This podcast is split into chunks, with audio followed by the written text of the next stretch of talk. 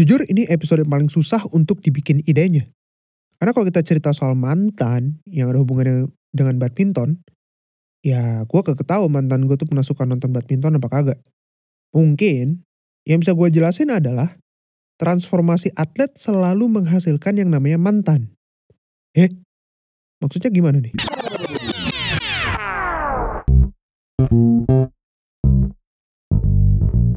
Balik lagi sama gue Ibi di podcast Tepak Bulu edisi 30 hari bersuara persembahan The Podcasters Indonesia hari ke-24. Gue bakal coba jelasin sesederhana mungkin konsep mantan yang berhubungan dengan atlet. Ya lo pada tahu sendiri kan, atlet itu setiap harinya selalu latihan. Latihan buat apa? Buat ningkatin skill dan stamina mereka juga kan. Nah, yang gue maksud dengan mantan adalah versi jeleknya mereka. Sampai sini udah ngerti belum? Buat yang mungkin udah pernah pacaran, coba kita flashback ke zaman-zaman kita pertama kali pacaran. Kayak apa rasanya? Apa pas awal-awal lo ngerasa hati itu berbunga-bunga dan kesannya indah terus? Sekarang kalau kita lihat atau berkaca dari cerita-cerita atlet yang menekuni olahraganya masing-masing, misalnya kayak badminton, jadi kita ambil contoh aja kayak Cibutet misalnya. Kalau kita ngeliat sejarah perjalanan karirnya, bisa dibilang sukses atau bahkan termasuk salah satu legenda yang kita punya saat ini. Apa Cibutet dari awal karirnya udah jago atau OP kayak pas beliau waktu di Rio 2016? Oh, enggak dong. Pastinya permainan beliau tuh terus berkembang dan lo pada bisa lihat sendirilah perubahannya. Gampang tinggal lihat YouTube aja gitu kan. Setiap pemain pasti dulunya mungkin pernah stuck di suatu tempat dan kadang sempat ngerasa gagal pas nggak nyapain target atau pas targetnya nggak kecapai. Mungkin itu yang dirasain Cibutet pas nggak dapet medali di Olimpiade yang harusnya kita lupain, yaitu Olimpiade London 2012. Tapi yang namanya atlet juga manusia sih.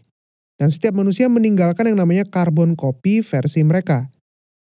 Nah, di hari-hari sebelum itulah lo selalu nyoba untuk merefleksikan diri sekaligus belajar dari kesalahan yang mungkin pernah lo buat.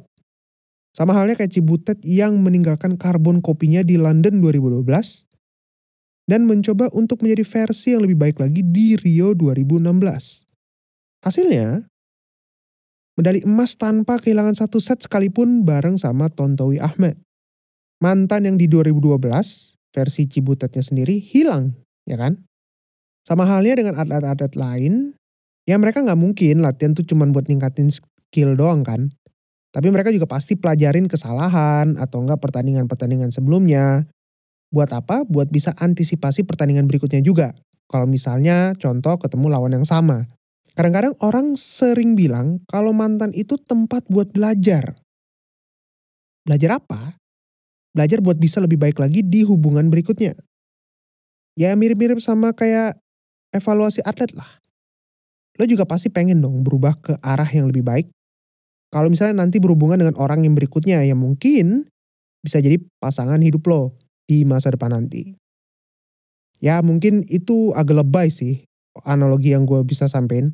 Tapi itu mungkin yang dilakuin atlet juga gitu.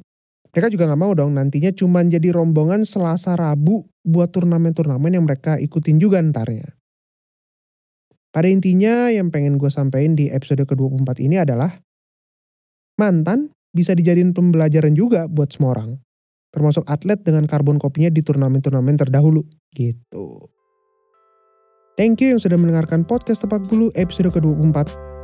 Edisi 30 hari bersuara. Kita ketemu lagi besok. Gue cabut. Peace.